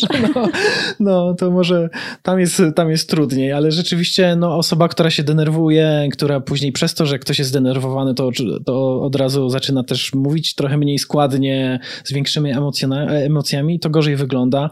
Ja pamiętam, że chyba w tym filmie użyłem przykładu Lecha Wałęsy, e, którego bardzo łatwo w tamtym okresie było wyprowadzić z równowagi e, tymi różnymi słowami, które tam się w jego stronę kierowało.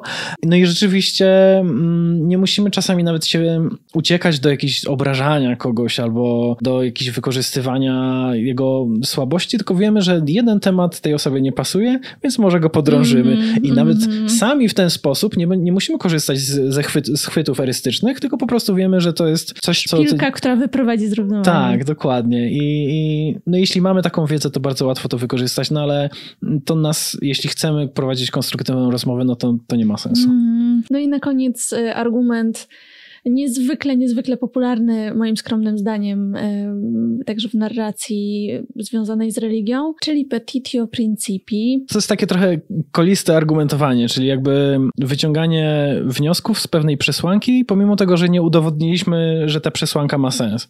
Takim naj, najbardziej częstym przykładem, i nie pamiętam, bo podobno o tym argumencie już pisał Arystoteles, ale nie wiem, czy używał go w tej formie, czyli mm, ktoś powiedział, że wszystkie kruki są czarne, czyli każdy ptak, który nie jest czarny, na pewno nie jest krukiem. No ale dobrze wiemy, że są też białe kruki, więc jakby pomimo tego, że wyciągnięcie wniosków z tej przesłanki było prawidłowe, mm-hmm. no to sama ta przesłanka nie była prawidłowa, bo, bo wiemy, że, że tak jest. No i w przypadku właśnie religii najczęstszym jest to, że, że Bóg jest dobry, bo w Biblii jest napisane, że Bóg jest dobry, albo że w Biblii napisano, że Bóg istnieje, no ale nie udowodniliśmy, że Biblia mówi prawdę na przykład, czy to, mm-hmm. jest, czy to mhm. jest prawdziwa księga, więc jakby to wnioskowanie na, na podstawie przesłanki, której, no, której ktoś nie udowodnił. I to, jest, to jest bardzo ciekawe, bo łatwo się na tym wyłożyć, w sensie jeśli przyjmiemy E, bardzo szybko, że ktoś tak powiedział i zaczniemy rozmawiać e, o tym wniosku, a nie o przesłance, to możemy się, możemy się zagubić, bo, bo jednak to chodzi o to, że, że, że ta pierwsza przesłanka jest nieprawidłowa i od tego już powinno, nie powinniśmy drążyć dalej, tak, no bo tak, skoro tak. tamto nie zostało udowodnione. Czyli przywoływanie jako oczywistej jakiejś tezy, która kompletnie jakby nie, nie jest udowodniona, ale pewnym głosem wygłoszone jako oczywistość tak, e, tak. Może, może brzmieć właśnie logicznie mm. i No, i że właśnie nie ma tego fundamentu, nie? Nie ma, mhm. że wyrasta na czymś, ale to, na czym wyrasta, nie jest, nie jest wcale sprawdzone i nie wiemy, czy to jest prawdziwe. Teraz pozwolę sobie, bo ja sobie przygotowałam y, wypowiedzi trzech księży bardzo popularnych, które tutaj z Tobą chciałam zweryfikować, y, jakie, jakie błędy i czy błędy, chwyty erystyczne oni stosują w tych wypowiedziach. Jestem Petitio Principi, ja tu pozwolę sobie zacytować fragment filmu, i chyba nawet tytuł jest Homoseksualizm. To jest film ojca Adama Szustaka i w nim w ogóle jest bardzo wiele przeciekawych, nie wiem, czy można je nazwać argumentami, ale, ale właśnie takich chwytów czy ujęć, prób przekazania jakby swojej racji e, czy swojego przekonania. I na przykład taki cytat. Natura została stworzona jako heteroseksualna. Taka jest prawda. Nie ma najmniejszych wątpliwości z punktu widzenia biblijnego, ale również naukowego, że człowiek w swojej naturze jest heteroseksualny. I później przez cały filmik jakby już bazowanie na tym, na tym założeniu jako oczywistość. Nie mamy tutaj żadnych dowodów naukowych, żadnych, e, żadnych podstaw takiego wnioskowania.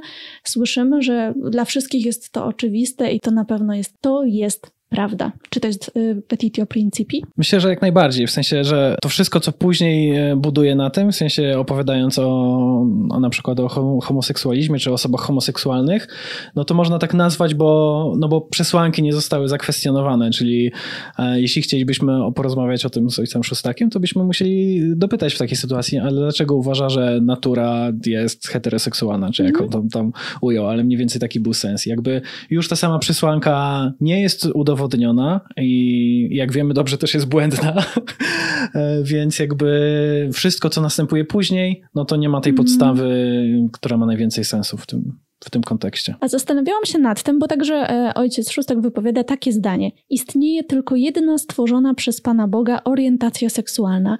I zastanawiałam się nad tym zdaniem, bo ono jest inaczej skonstruowane, mm, dlatego że może tutaj mogę po prostu przyjąć, że okej, okay, szanuję, rozumiem to, że ktoś może wierzyć w to, że Bóg stworzył świat właśnie tak, ale czy to jest obiektywna prawda o świecie? Nie wiem, jak ty to widzisz. No myślę, że tutaj właśnie wchodzi to zagadnienie tego, w co wierzymy, co ma sens i co jest prawdą, a co nie. I, i to jest duże pole do drążenia, ale to takich najbardziej fundamentalnych mm -hmm. kwestii, czyli co uważamy za prawdziwe i czemu uważamy, że, że, że akurat Bóg stworzył, a nie, a nie, że jest to z jakiegoś zupełnie innego powodu, mm. czy bez powodu. To jest trudne i musielibyśmy spędzić nad tym zupełnie, mm. zupełnie inaczej do tego podejść, żeby to jakoś tam rozłożyć na czynniki pierwsze. Chociaż myślę, że też byłoby inaczej, gdyby było y, to zdanie skonstruowane tak, że ja wierzę w to, że Bóg stworzył tylko jedną orientację seksualną. To zupełnie inaczej brzmiące zdanie niż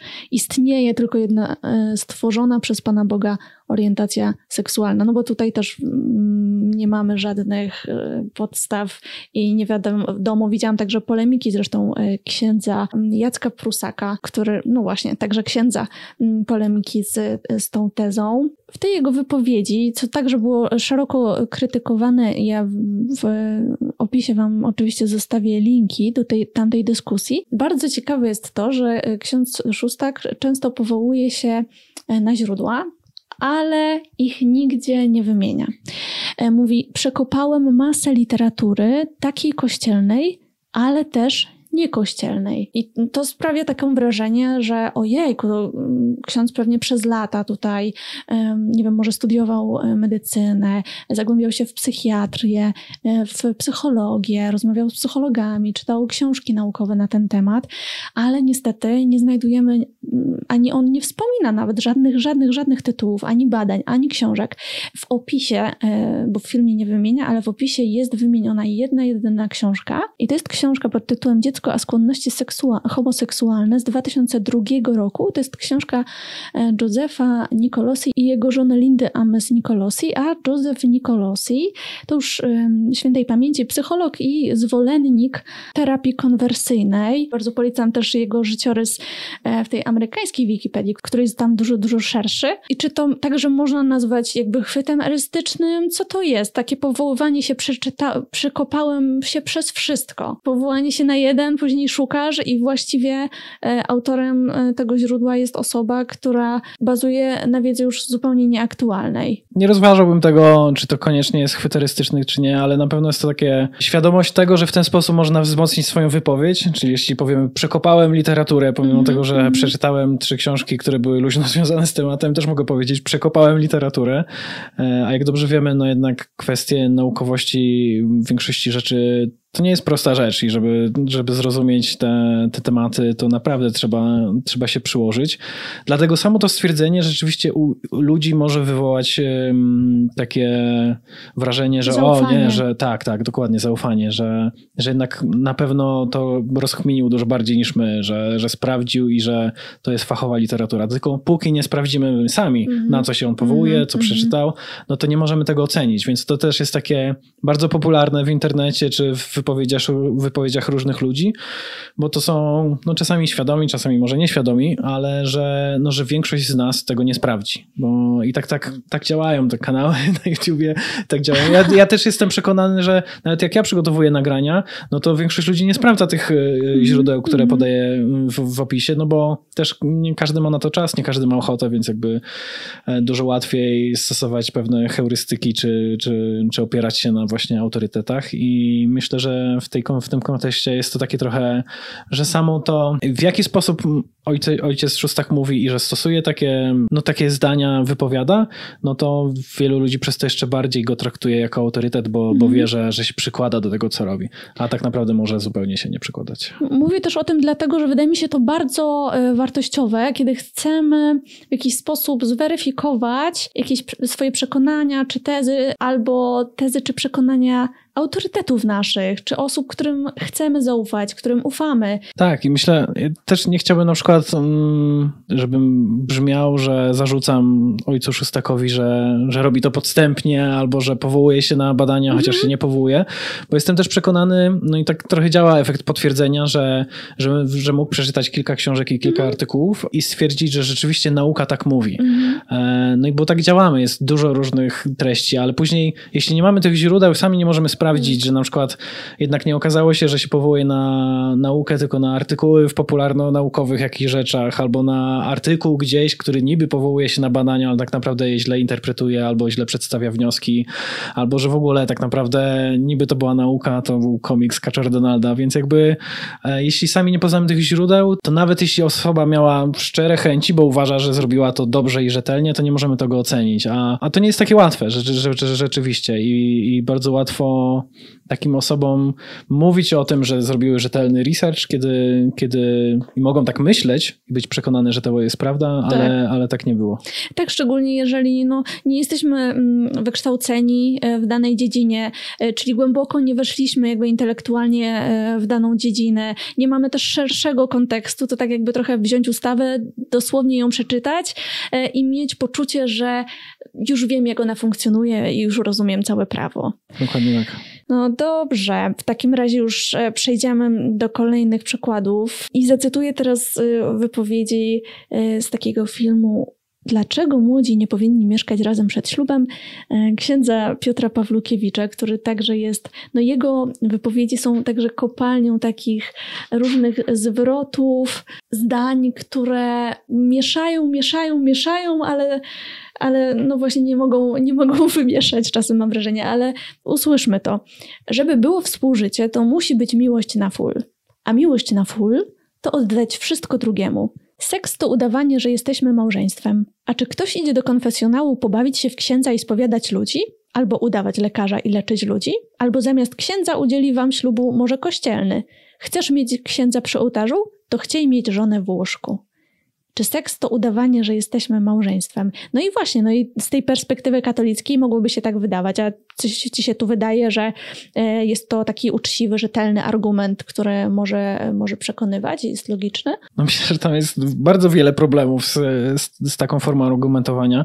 Wiadomo, że to zawsze też się sprowadza do tego, że, że to są prawa kościelne czy prawa tej mhm. religii, więc jakby tutaj też trzeba do tego inaczej podchodzić, ale myślę, że już od samego początku warto by drążyć od tego, jak zaczyna mm, mówić o tym, że żeby nie pamiętam jak to dokładnie było. Żeby że... było współżycie, to musi być miłość na fulla. O, to jest początek w ogóle tej wypowiedzi. Tak. Dokładnie, tak. dokładnie, że jakby to już jest problematyczne, że co to znaczy, że, że musi takie coś być, w sensie, mm -hmm. że, że jeśli tego nie będzie, to co się stanie? I jakby od tego, jak już byśmy zaczęli mm, rozważać to, czy dopytywać na przykład taką osobę, wtedy byśmy mogli mieć więcej mm -hmm. pojęcia o tym, co tak naprawdę miała na myśli, bo, bo ja na przykład kompletnie nie mam pojęcia, skąd to się bierze, no aczkolwiek oczywiście mogę sobie przywołać, że to, że to chodzi o, o, różne tam kwestie związane z religijnością, a później na przykład też trochę taka powstaje fałszywe porównanie z tym, czy ktoś jest księdzem, jak idziemy do księdza, że to jest porównanie tak. do małżeństwa, co też jest takie na maksa niesprawiedliwe, bo wiemy, że obie te funkcje zupełnie inaczej to może funkcjonować, w sensie, że pewne role rzeczywiście muszą być zrobione w pewien sposób, czyli musimy odbyć takie studia, musimy być na przykład w seminarium i tak dalej. Tak, a żeby kwest... być lekarzem. Tak, podobnie. a kwestia partnerstwa partnerstwa na przykład, czy, czy bliskości jest zupełnie inna. To nie, tak. jest, to nie jest coś formalnego. Oczywiście jakby może być ostatecznie sformalizowane, jeśli tego chcemy, czy nie, ale absolutnie nie musi być, żeby, żeby ci ludzie byli szczęśliwi, czy żeby mogli się określać jako osoby, które się kochają mm. na przykład. No właśnie, to jest strasznie trudne, że w tych e, wypowiedziach bardzo dużo jest rzeczy, których my się musimy domyśleć.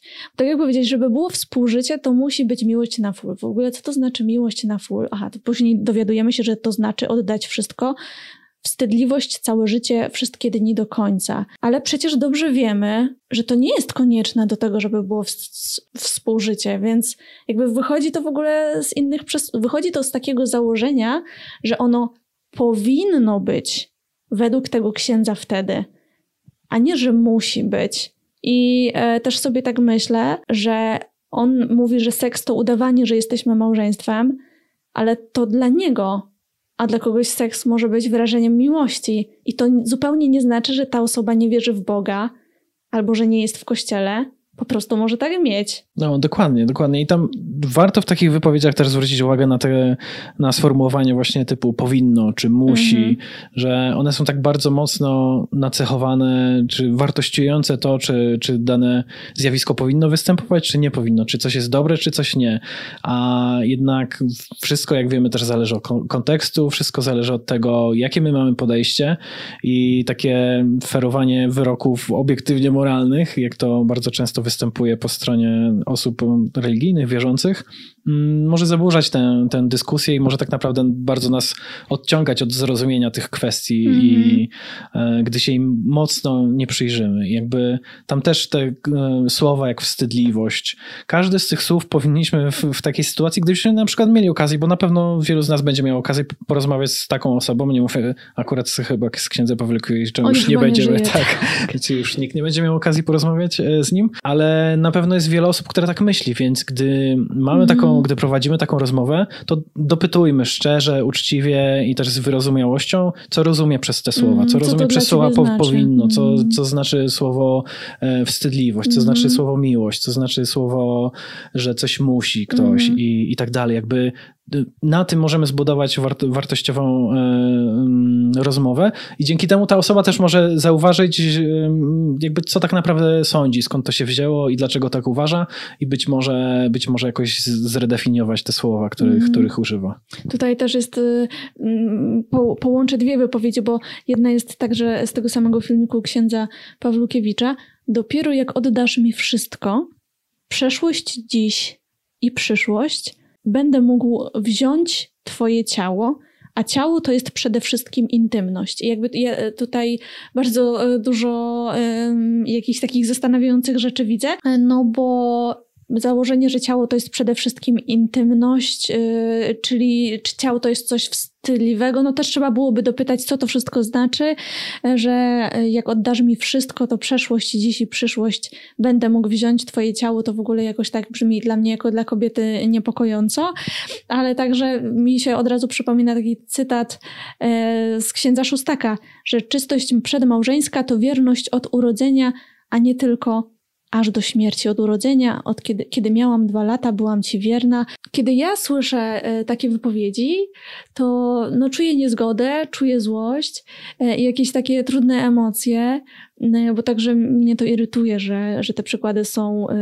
zawsze dla kobiet i, i na kobietach jakby mnie, je ma pouczać i to my mamy, nasze ciało ma być wzięte i my mamy być e, wierne od e, skończenia drugiego roku życia. Właśnie też ciekawe, na co zwróciłaś uwagę i już pomijając już kwestię logicznego argumentowania czy chwytów erystycznych, myślę, że to jest bardzo przykre i, i, i uwłaczające czasami, jak słucham tych słów, że z jednej strony jest to przedstawiane jakoś coś mistycznego i niesamowitego, a z drugiej trochę jak taka transakcja, czyli ja coś oddaję, swoją przeszłość, później coś biorę, jakby e, to jest przerażające, że można tak na to patrzeć, że, że pomijając zupełnie masę innych wątków i tego, jak miłość może być interpretowana przez masę różnych osób w, w, różny sposób, a tutaj jest sprowadzane do naprawdę do jakiegoś... Zakładu. E, do zakładu, tak, no i do transakcji. Paradoksalnie, prawda? Okej, okay, to jeszcze e, z takich wypowiedzi publicznych autorytetów, to mam jeszcze trzeci, myślę, że ciebie może szczególnie zainteresować,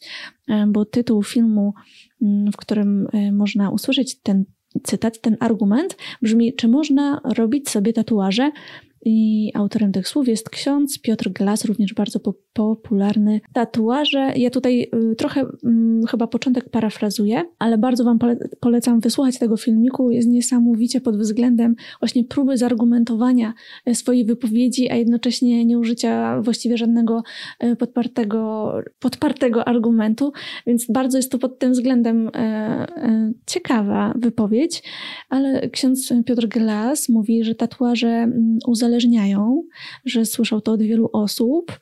E, to jest e, cudzysłów wielki temat. Dowiedział się także od osób wykonujących tatuaże, że farby są demonicznie przetwarzane i on mówi tak, że dowiedział się tego, że farby są demonicznie przetwarzane, cokolwiek to znaczy, Koniec cytatu. I jednocześnie mówi, że no najgorszy kontrakt z szatanem, czyli zakłada w ogóle, że istnieje coś takiego jak e, kontrakt czy pakt z szatanem, to kontrakt krwi, a kiedy ta farba jest tak okultystycznie przerobiona, jak mu powiedziano, e, że się dzieje, wtedy miesza się z krwią w trakcie, w trakcie wykonywania tego tatuażu. Więc on mm, twierdzi, że mm, zagrożenie wokół tatuażu nie polega na tym, czy my sobie wytatuujemy serce, e, czy szatana, czy kota, czy, e, czy Jezusa, ale to, że samo to przebicie skóry jest po prostu paktem krwi z diabłem. E, I dobrze, no na razie do tego momentu, jakby co tu widzisz? Czy, e, jak, jak widzisz ten argument? Na co najważniejsze, na, na co powinniśmy zwrócić uwagę, i to jest w sumie dosyć sprytne, może to nieświadomie użyte, ale że zupełnie inaczej ta wypowiedź by wyglądała, nawet dla osób, które, które ufają temu księdzu albo, albo są wierzące i, i wierzą w te rzeczy, że jakby on mówił, że wydaje mi się, albo że tak mi się, mhm. tak myślę, to już by zupełnie inna była siła, ale on bardzo często mówi, że tak mi powiedziano, czy tam ktoś, kto się tym zajmuje, mm -hmm. to tak, tak stwierdził. I przez to, to na, ta wypowiedź nabiera dla wielu osób e, dużo takiego mocniejszego, głębszego znaczenia, że, że to nie jest jego zdanie, tego księdza, tylko że coś w tym jest, bo inne osoby o tym mówią, inne osoby, które się tym zajmują. Mm -hmm. I zauważyłem, że stosunkowo często się używa, to są tak zwane właśnie przykłady anegdotyczne, bo ja nawet nie jestem absolutnie przekonany, że nawet takiej sytuacji nie było, o których opowiadał, ale nawet jakby były, że ktoś mu tak powiedział, no to przykłady anegdotyczne no nie są żadnym argumentem w dyskusji, bo ja mogę mieć swoją wypowiedź i powiedzieć, że ja mam osoby, które zajmują się tatuażem i one mówią, że farby to są anielskie łzy i jeśli robimy tatuaże, to anioł stróż nam się Zbliżamy wzmacnia. Się do Boga. Zbliżamy się do Boga na przykład. I tak mi powiedziały osoby, które się tym zajmują. To, to kompletnie nie ma sensu. Ale przez to te, te wypowiedzi nabierają takiego znaczenia, nabierają takiego bardziej specjalistycznego e, zacięcia i tego, że ta osoba wie coś więcej od nas, bo jednak ma kontakt z tymi mm. osobami. Kiedyś spotkałem się z takim filmem, w którym jeden ksiądz opowiadał o kobietach, które dokonały aborcji, no i przychodziły do niego i mówić mu, jakie to jest fatalne i on na tej podstawie wysnuł jakby całościowy swój pogląd, że, że bardzo dużo osób, kobiet po, po aborcji cierpi na, na syndrom poaborcyjny, mm. który, który nie istnieje. Tak. I to przez to, że mówił o tym, że, że miał takie osoby i nawet jestem w stanie mu uwierzyć, że kilka osób mu się pojawiło. Zresztą to jest bardzo często tak, że rzeczywiście do tego księdza pójdą takie osoby, które na przykład sobie z niektórymi rzeczami nie radzą, też przez to, że, że tak są w tym kościele, mm, nie chcę wychowane. powiedzieć wychowywane, bo może to jest trochę złe. Ale trochę tak, no no jest tam taka... małego, tak, tak że, że tak, będzie to coś strasznego, dokładnie. że to jest coś strasznego, że to ogromny grzech, no to także jeszcze wzbudza poczucie winy, lęk, zaburzenie poczucia bezpieczeństwa. To prawda, więc nawet jeśli są takie osoby i do niego trafiły, no to ma bardzo taką zaburzoną próbkę naukową, mm. którzy naukowcy od razu by odrzucili, bo nie o to chodzi, żeby wysłuchać osób mocno ideologicznie zaangażowanych z jednej strony, żeby, żeby wyciągnąć wnioski na całą populację. Więc nawet jeśli niektóre te przykłady są prawdziwe, no to absolutnie nie, nie powinniśmy się nimi przejmować, ale zwracać uwagę, gdy ktoś rzeczywiście tak mówi, bo to jest, mm.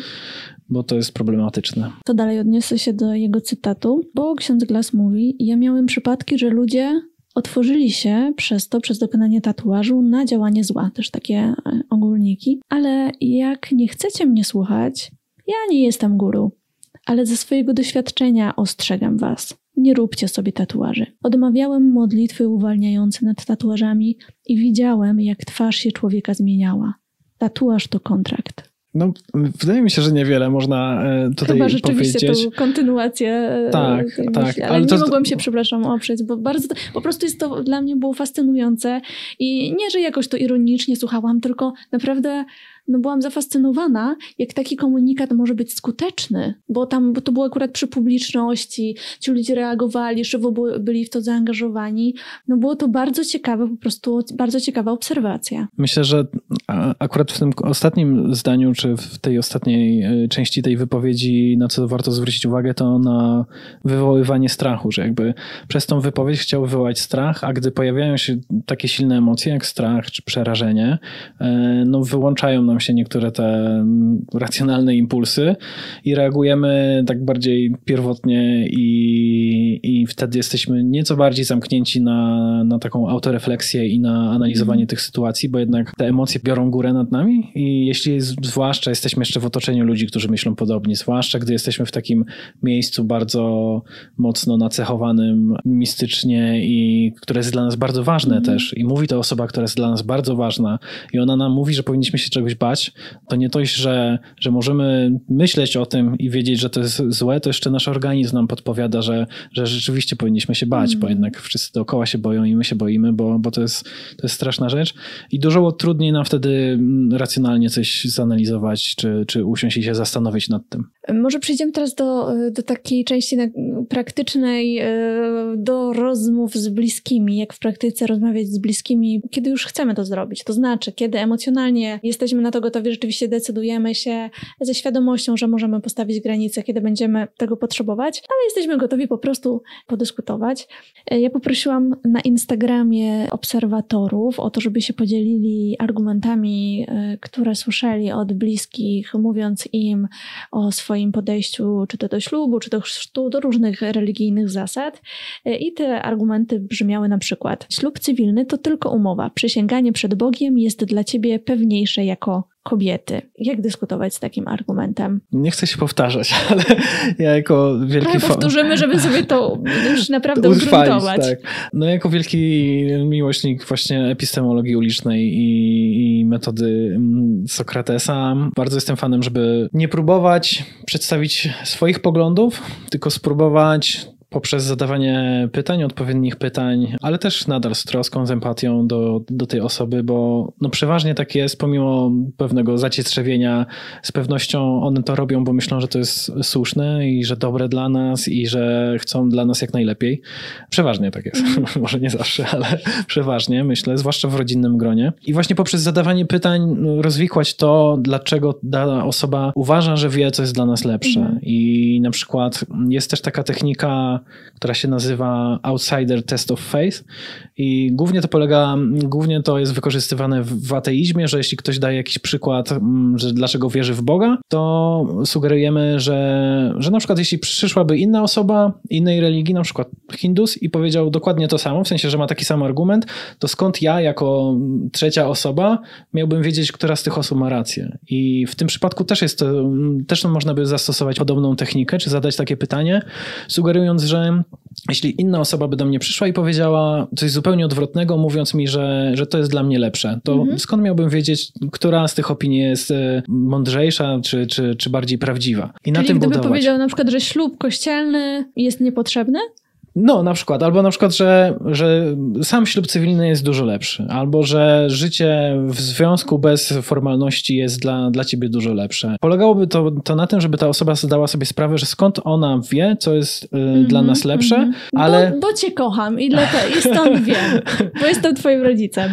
No, ale no, jakby i, i na, tym można, na tym można budować kolejne pytania, jakby, że, że skoro mnie kochasz, to czy, czy uważasz, że miłość powinna być e, formułowana w ten sposób, że, że decydujesz za kogoś? Czy uważasz, że coś jest lepsze? Że na przykład ja e, w tym, w tym kontekście, na przykład jeśli to jest mama, to ja bym powiedział, że czy, czy uważasz, że ja wiem od ciebie lepiej, bo ja ciebie kocham i, i wiem coś lepiej od ciebie niż ty sama? W ten sposób to budować e, i to, i to jest bardzo trudne, ja to przyznam, że mm. jakby słysząc takie rzeczy, to od razu generują się jakieś emocje w nas, zwłaszcza jeśli to jest co roku powtarzane i nie jest łatwo mm, wyluzować i jednak skupić się na tym, dlaczego ta osoba tak myśli, ale właśnie dzięki tej technice łatwiej jest przeprowadzać te rozmowy, bo, mm. bo nie skupiamy się na tym, żeby to była walka, tylko skupiamy się na tym, żeby, żeby pokazać, czy, czy razem wypracować to, e, co uważamy za słuszne i oczywiście nie zawsze się to uda i musimy brać to pod uwagę. Mm -hmm. Dobra, to kolejny argument. Nie tak cię wychowałam. Gdzie twój kręgosłup moralny? Martwię się o twoją duszę. No, to jest bardzo ciężkie, zwłaszcza, że tam są w sumie trzy, trzy zupełnie różne zagadnienia i, i każde moglibyśmy rozpatrywać osobno i w sumie każde trzeba by rozpatrywać osobno, żeby to miało sens, bo czym innym jest to, czy ta osoba uważa, że dobrze nas wychowała, czy to, czy mamy e, mocny kręgosłup moralny, bo to mogą być zupełnie dwie, dwie inne, dwie różne kwestie. No, jeśli chodzi o duszę, to już, to już w ogóle metafizyczne tematy wchodzą w dyskusję dyskusję. No i ponownie, myślę, że też to, co, o czym powinniśmy pamiętać, że dużo łatwiej prowadzi się rozmowę, jeśli mamy jeden konkretny temat tej rozmowy. Mhm. Dużo łatwiej dojść nam do wspólnych wniosków, jeśli pracujemy nad, nad rozwiązaniem jednego problemu, a nie jest to problem bardzo poszerzony, więc jeśli tak przynajmniej jak się rozmawia w technice ulicznej epistemologii, to staramy się skupić właśnie na, na, tym jednym wątku, bo każdy inny musi być osobno zdefiniowany, osobno wytłumaczony i osobno musimy dojść do tego, dlaczego ta osoba tak myśli, więc, więc skupiłbym się na jednej kwestii po prostu i rozważył, dlaczego ta osoba uważa, że, że, że to jest najważniejsze i dlaczego ta osoba uważa, że to jest prawdziwe, że, że coś tam się nie udało mm -hmm, na mhm, przykład, albo mm -hmm. że coś jest nie tak z naszym kręgosłupem moralnym, czyli co przez to rozumie i jakby i na tym budować dalszą rozmowę, mm -hmm. a nie rozdrabniać się na inne kwestie, bo wtedy nie chcę powiedzieć, że nie wygramy, bo nie o to chodzi, ale że, że nie dojdziemy do niczego, nie? Bo, bo zawsze będzie coś innego, o czym wspomniano wcześniej. Więc jakby skupienie się na, na tym jednym temacie i, i uczciwe, rzetelne drążenie, drążenie. Drążenie to też jest chyba złe słowo, takie bardziej rozsupływanie tego, czy próba zrozumienia. Myślę, że dużo lepiej to, to brzmi i tak mhm. powinniśmy do tego podchodzić. Często właśnie przewija się w, w tych wiadomościach ten argument, e, nie tak ciebie wychowaliśmy, nie tak ciebie wychowałam, wychowałem. I no to jest w ogóle początek może być rozmowy, e, oczywiście, jeżeli gdzieś tam e, wszyscy uczestnicy jej będą na to otwarci, nad tym, co rozumieją przez to dobre wychowanie, czego się boją tak naprawdę, co to dla nich znaczy, czego właśnie oni się boją, nie? Że tego wstydu, czy tego poczucia winy. W ogóle to jest też trudne, czy, czy ci rodzice są gotowi na taką rozmowę z nami, nie? Że to się zamienia w takie pytanie i to już jest strasznie, e, strasznie trudne pytanie, bo co jeśli nie? No myślę, że to bardzo dobrze, że zwróciłaś na to uwagę, bo myślę, że bardzo często od razu przez te emocje, które się w nas budują, możemy mm, uznać to jako atak i że, a, że czyli uważasz, że coś ze mną jest nie tak. A tak naprawdę myślę, że na tym głębszym poziomie, jeśli się nad tym zastanowimy, to taka wypowiedź może być takim trochę cichym okrzykiem bólu i tego, że, że ta osoba czuje, że coś źle zrobiła, że coś mm. jej się nie udało i że to tak naprawdę bardziej jest o niej niż o nas. I warto to w ten sposób rozsupać, czy pochylić się nad tym, żeby zobaczyć, jakie emocje są w tej osobie i dlaczego tak uważa, i, i może pomóc jej zrozumieć, że, że zrobiła wszystko to, co uważała za słuszne, ale, ale może nie na tym polega wychowanie, że, mm. że może tak naprawdę, czy wolałaby, żebyśmy byli wychowani e, dlatego, by wszystko robić tak jak ona, czy żebyśmy byli wychowani, żebyśmy umieli myśleć sami za siebie i decydować o sobie. Jakby mm. to są zupełnie dwie różne kwestie i, i też zdejmują trochę ciężar z tej osoby, że jakby ona ona zrobiła to, co zrobiła, no ale teraz my decydujemy za siebie i możemy mieć zupełnie inne zdanie i to też jest ok.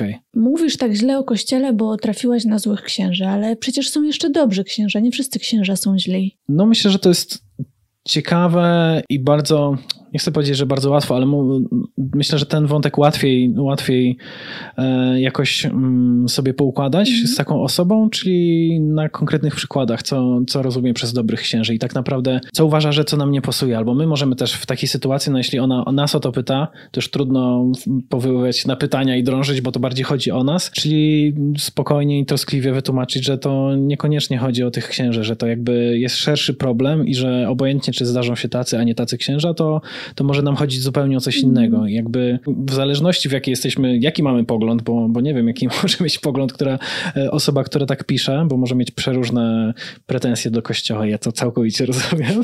No i jakby wtedy musimy, musimy na tym bazować i, i może szukać wspólnie mm, roz, nie tyle rozwiązania, co nici porozumienia na temat tego, co jest dobre, co Kościół reprezentuje, jakie są wartości dla nas ważne, a, a, a z którymi możemy się nie zgrać mhm. w kościele i tak dalej. Możesz nie być bardzo religijna, ale katolicyzm to polska tradycja.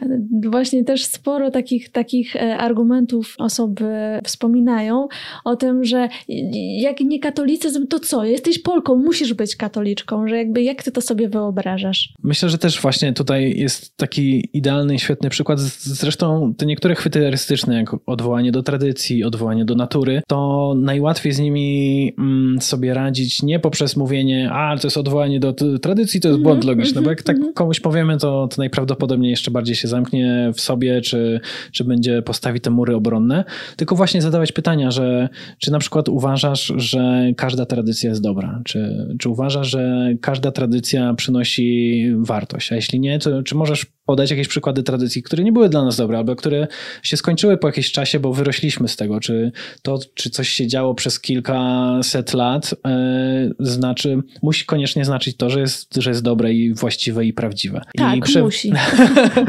Więc jakby wtedy no, możemy podać jakieś przykłady takich rzeczy, które, które jednak nie mają, ale przeważnie jednak myślę, że osoby jednak rozumieją, że nie, nie jest tak, że wszystko zawsze działa. A skoro mhm. nie wszystko zawsze działa, to skąd wiemy, że ta akurat tradycja musi być dla nas dobra i na tym budować. Myślę, że to takie właśnie obieranie tej cebuli w ten sposób, pytaniami i po mm, jakby z naszej strony jest to pomoc tej osoby, żeby zrozumiała, że sama struktura tego argumentu mm. nie do końca działa, a, a niekoniecznie jakby sam, sam argument i to, na co się powołuje.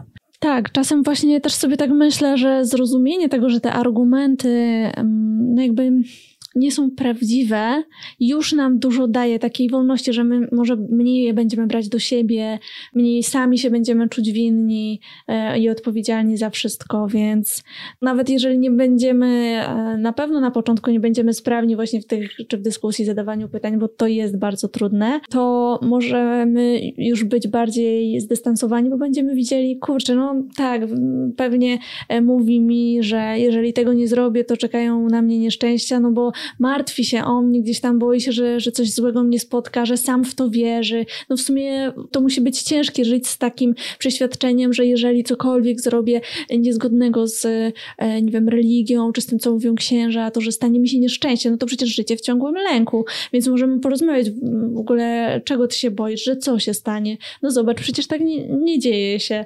Już umiejętność takiego chociażby delikatnego zdystansowania się do tych, e, do tych słów, to może już bardzo, bardzo chyba wiele y, zmienić. Tak, tak, ja się absolutnie zgadzam i myślę, że wspomniałem chyba o tym na początku, że najlepsze, co możemy zrobić i rzeczywiście jakby rozwijanie tych umiejętności będzie trudne i każda rozmowa będzie na początku wyzwaniem i z każdym kolejnym razem będzie nam coraz łatwiej i coraz e, e, lepiej będziemy prowadzić te rozmowy, czy, czy rozmawiać ogólnie.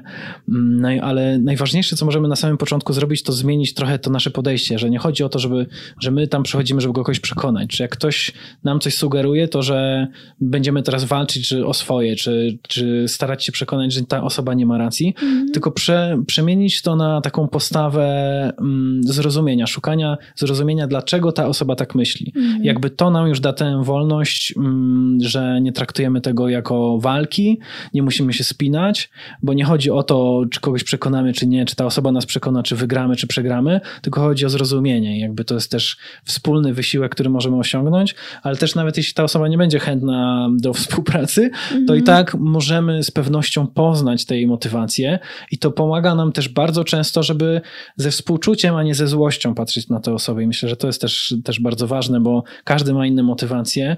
Większość tych motywacji jest mm, spowodowana tak wieloma różnymi czynnikami, że, że bardzo trudno. Ja też nie jestem wielkim fanem koncepcji wolnej woli, ale to już abstrahując od tego, że, że tak wiele czynników wpływało na to, jaka ta osoba jest ukształtowana, że czasami jedyne, co nam zostaje, to współczucie, że, że ta osoba musi mierzyć się z takimi rzeczami, że mm. takie rzeczy przychodzą do głowy i że, no, i że je wypowiada, więc samo skupienie się na tym, by poznać dlaczego tak myśli, a nie co myśli, jest, jest bardzo takie tak. wyzwalające.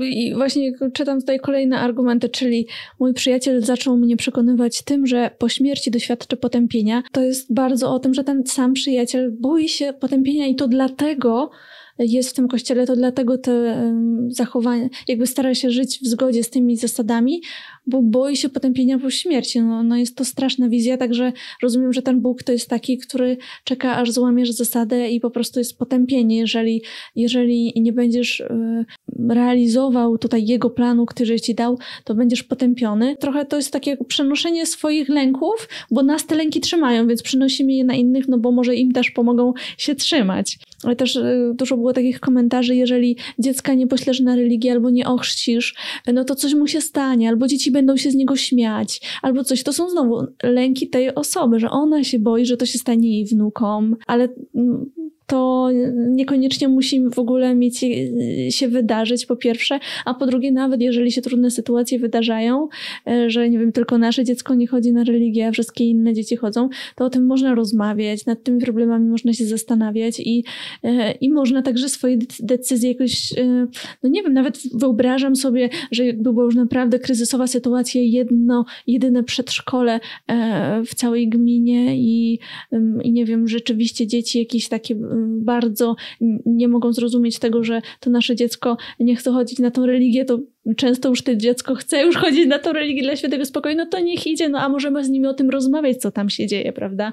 No też e, każda, każda sytuacja to będzie inna, ale bardzo dużo tych argumentów jest właśnie o takim, takim przenoszeniu lęków i o wzbudzaniu tego lęku, ale dokładnie nie wiadomo na jakiej podstawie. Tak, i też myślę, że dzięki temu, że będziemy na przykład właśnie ćwiczyć, wprowadzać i skupiać się na tej rozmowie, żeby była wartościowa, to możemy też to przenieść później na relacje z, nam, z bliskimi nam osobami, które dzięki temu będą jeszcze, jeszcze mocniejsze i na przykład w tej sytuacji ja wiem też, że rzeczywiście dużo rodziców, nawet niewierzących, boi się tego, jak dziecko to odbierze, jak będzie traktowane i tak dalej, ale dzięki tym mm, umiejętnościom takiej głębszej rozmowy, głębszej komunikacji, takiej bardziej wartościowej, możemy już z tym dzieckiem też nawet o tym mhm. porozmawiać i żeby ono mogło samo w sobie zrozumieć, e, o co w tym naprawdę chodzi, jeśli będziemy je poważnie traktować, a nie tak jak niektórzy czasami traktują dzieci. I właśnie z czego rodzi się problem, jakby tak. jeśli nabędziemy tę umiejętność już rozmawiania od, od, um, od jakichś tam początkowych lat rozwoju dziecka, to to dziecko też wyrośnie na, na taką osobę, która lepiej sobie radzi z tymi emocjami i z rozterkami różnymi, bo potrafi sama mm, dokonać jakiejś autorefleksji, e, sama komunikować niektóre rzeczy lepiej i też jakby konfrontować te, te rzeczy, które jej przychodzą na, na myśl z, z właśnie ze swoimi bliskimi, co w innym wypadku na przykład mogłaby jakoś stłumić przez to, że, że była w takim, a nie innym środowisku. I to też jest, myślę, e, jeden z ważniejszych punktów tego, bo nie chodzi o to, żeby, e, żeby szukać, przekonywać i starać mm -hmm, się mm -hmm. ulepszyć cały świat dookoła, a jednocześnie mieć spoprane relacje w domu, tylko żeby to wszystko działało tak samo, jakby, żebyśmy tak samo traktowali z podobnym chociaż współczuciem i wyrozumiałością bliskie nam osoby jak innych. Mm -hmm. Akurat w życiu mi się tu także taki argument tylko ślub kościelny jest prawdziwy. E, argument za tym, żeby brać, e, wziąć ślub kościelny, a nie, a nie tylko cywilny. No i tak sobie myślę, że można odpowiedzieć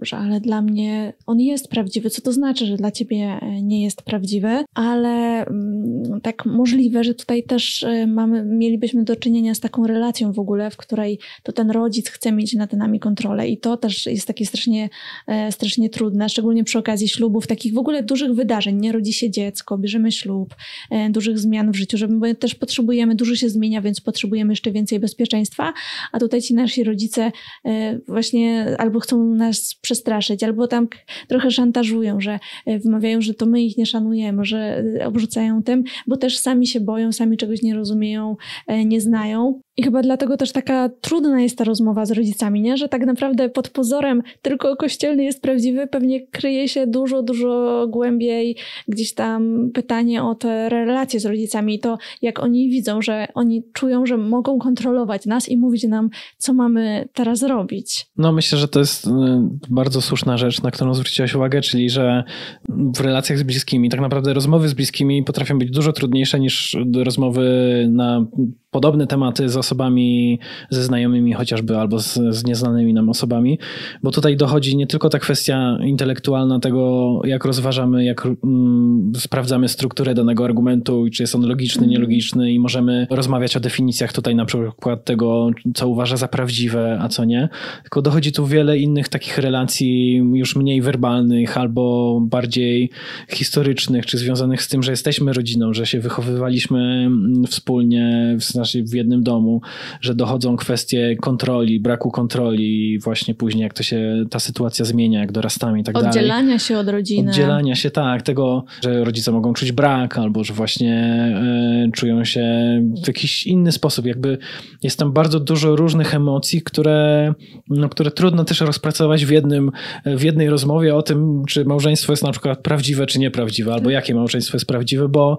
bo tak naprawdę może się okazać, że wcale nie, nie chodzi o to, że, że nie chodzi o to małżeństwo, nie chodzi o to, jakie ja mam relacje ze swoją partnerką czy partnerem, tylko chodzi bardziej o relacje z rodzicami, że tam, tam czegoś nie ma, mm. więc jakby dotarcie do tego jest już wtedy dużo trudniejsze mm. i myślę, że, no, że nie zawsze się to uda w takiej, na pewno się nie uda w jednej pojedynczej rozmowie, ale że przez to, że możemy dopytywać i jakby mm, robić to z uważnością i, i z troską, możemy lepiej dotrzeć do tego, niż jeśli byśmy żebyśmy traktowali to jako argumentację czy dyskusję na temat tego, co jest prawdziwe, a co nie, mm. albo co kto ma na myśli. Tak, dokładnie. To już wchodzi też ta już taka sfera emocjonalna, rzeczywiście może kontaktu z psychoterapeutą i, i zastanowienia się, co tak naprawdę jest między nami a rodzicami. Są też tacy rodzice, którzy są otwarci na wspólną e, taką rodzinną terapię, co także czasem wydaje się bardzo, bardzo fajną opcją.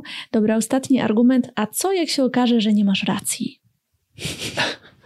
Ja myślę, że to jest e, bardzo dobra rzecz, którą każdy powinien sobie gdzieś powiesić na, nad lustrem, najlepiej, żeby codziennie oglądać, bo tak jak wspomnieliśmy wcześniej, no nikt nie lubi przyznawać się do błędu. Naprawdę mało kto lubi się przyznać do błędu, a powinniśmy to pokochać wręcz przy przyznawanie się mm. do mhm. błędów. Czyli rzeczywiście, jeśli e, rzeczywiście się mylimy. Dumni i traktować to, że dostrzegliśmy to i zrozumieliśmy, że się mylimy, jako coś naprawdę niesamowitego, że jakby mhm. to, że zmieniamy zdanie wtedy, kiedy jest to uzasadnione, żeby zmienić zdanie, no to jest najlepsza rzecz, którą możemy zrobić. Rozwój jest tak przyjemny i taką fajną sprawą, że ograniczenie tego jest, e, nie wiem, no jest jakimś barbarzyństwem i mm -hmm. naprawdę ograniczeniem własnych możliwości i tego, co możemy osiągnąć. Więc jeśli ktoś tak mówi szczerze, bo przeważnie rozumiem, w jakim to jest kontekście powiedzieć, powiedziane, tak, e, że, tak. że nie do końca jest to życzenie nam tego, żebyśmy jednak robili to, co jest faktyczne, tylko bardziej robili to, co ta osoba uważa, czy, czy to, co uważa za słuszne, ale, ale ogólnie Absolutnie, powinniśmy, powinniśmy o, tym, o tym pamiętać, a niekoniecznie też jakby na przykład stosować to i, i mówić innej osobie, że, że na przykład się myli albo coś takiego, tylko bardziej dać jej do zrozumienia, czy pomóc jej samej zrozumieć. E, myślę, że to jest dużo lepiej ujęte, mm, że się myli, bo a, a propos badań, teraz mi się przypomniało i to też będzie pasowało do tego wątku, że były jedne badania w trakcie mm, II wojny światowej wśród e, tych takich tradycyjnych żon, które zostały w domu, domu i był wtedy taki niedobór, niedobór jedzenia, zwłaszcza mięsa. I rząd starał się wprowadzić, mm, żeby, żeby te kobiety, które, które nie były na wojnie, zaczęły też mm, przy, przyrządzać e, te różne, e, jak to się nazywa, te, te takie ozory, jakieś takie te podroby. Podroby. Mhm. Podroby, e, podroby żeby no jakby wykorzystać każdą część mięsa, to też było tańsze, część tego mięsa wysyłali na wojnę, więc jakby żeby no wykorzystywały te tańsze partie, których tam wcześniej się nie, jad, nie jadło po prostu. I jakby zrobiono też dwie grupy. W jednej grupie po prostu przedstawiono informacje, dlaczego to ma sens i dlaczego to powinno robić, jakby uargumentowane to było, a drugiej grupie mm, zasugerowano, żeby same się zebrały, e, te wszystkie mm, kobiety, i przedyskutowały, same szukały rozwiązań i same doszły do tego, dlaczego to jest słuszne i powinno to robić. I ta pierwsza grupa, tam chyba była skuteczność 5%, a w tej drugiej grupie, gdzie same dochodziły do tego, było 30 kilka procent. Jakby więc wow. różnica była ogromna, mm. ale to też pokazuje, jak, mm, jak po pierwsze niezwykle trudno jest nam przyjąć opinię z zewnątrz mm. i się z nią zgodzić, bo mhm. wtedy mm. trochę jest to, odczuwamy jako atak na naszą autonomię, czy tak. atak na naszą narrację, którą lubimy o sobie opowiadać, że jednak musimy przyznać, że się myli, myliliśmy. Mhm. A w tej drugiej kwestii jest bardziej to, że niekoniecznie nie przyznajemy się, że się myliliśmy, ale że bardziej się rozwijamy jako ten, o, doszliśmy, do, sama doszłam do tego, że, że tak właśnie jest, czy sam doszedłem do tego, że, że tak właśnie jest. I dlatego też ta technika zadawania pytań jest o tyle skuteczna, że, że umożliwia to, że my nie atakujemy kogoś, nawet jeśli nie mam takiego zamiaru, ale nie przedstawiamy mu danych, które są sprzeczne z poglądami tej osoby, tylko pozwalamy tej samej osobie żeby ona doszła do tego mm. i, i wtedy jest to dużo skuteczniejsze i działa na dłuższą, na dłuższą metę i na dłuższy czas. A czasem jeszcze do czegoś innego niż nam się wydaje, że powinna dojść.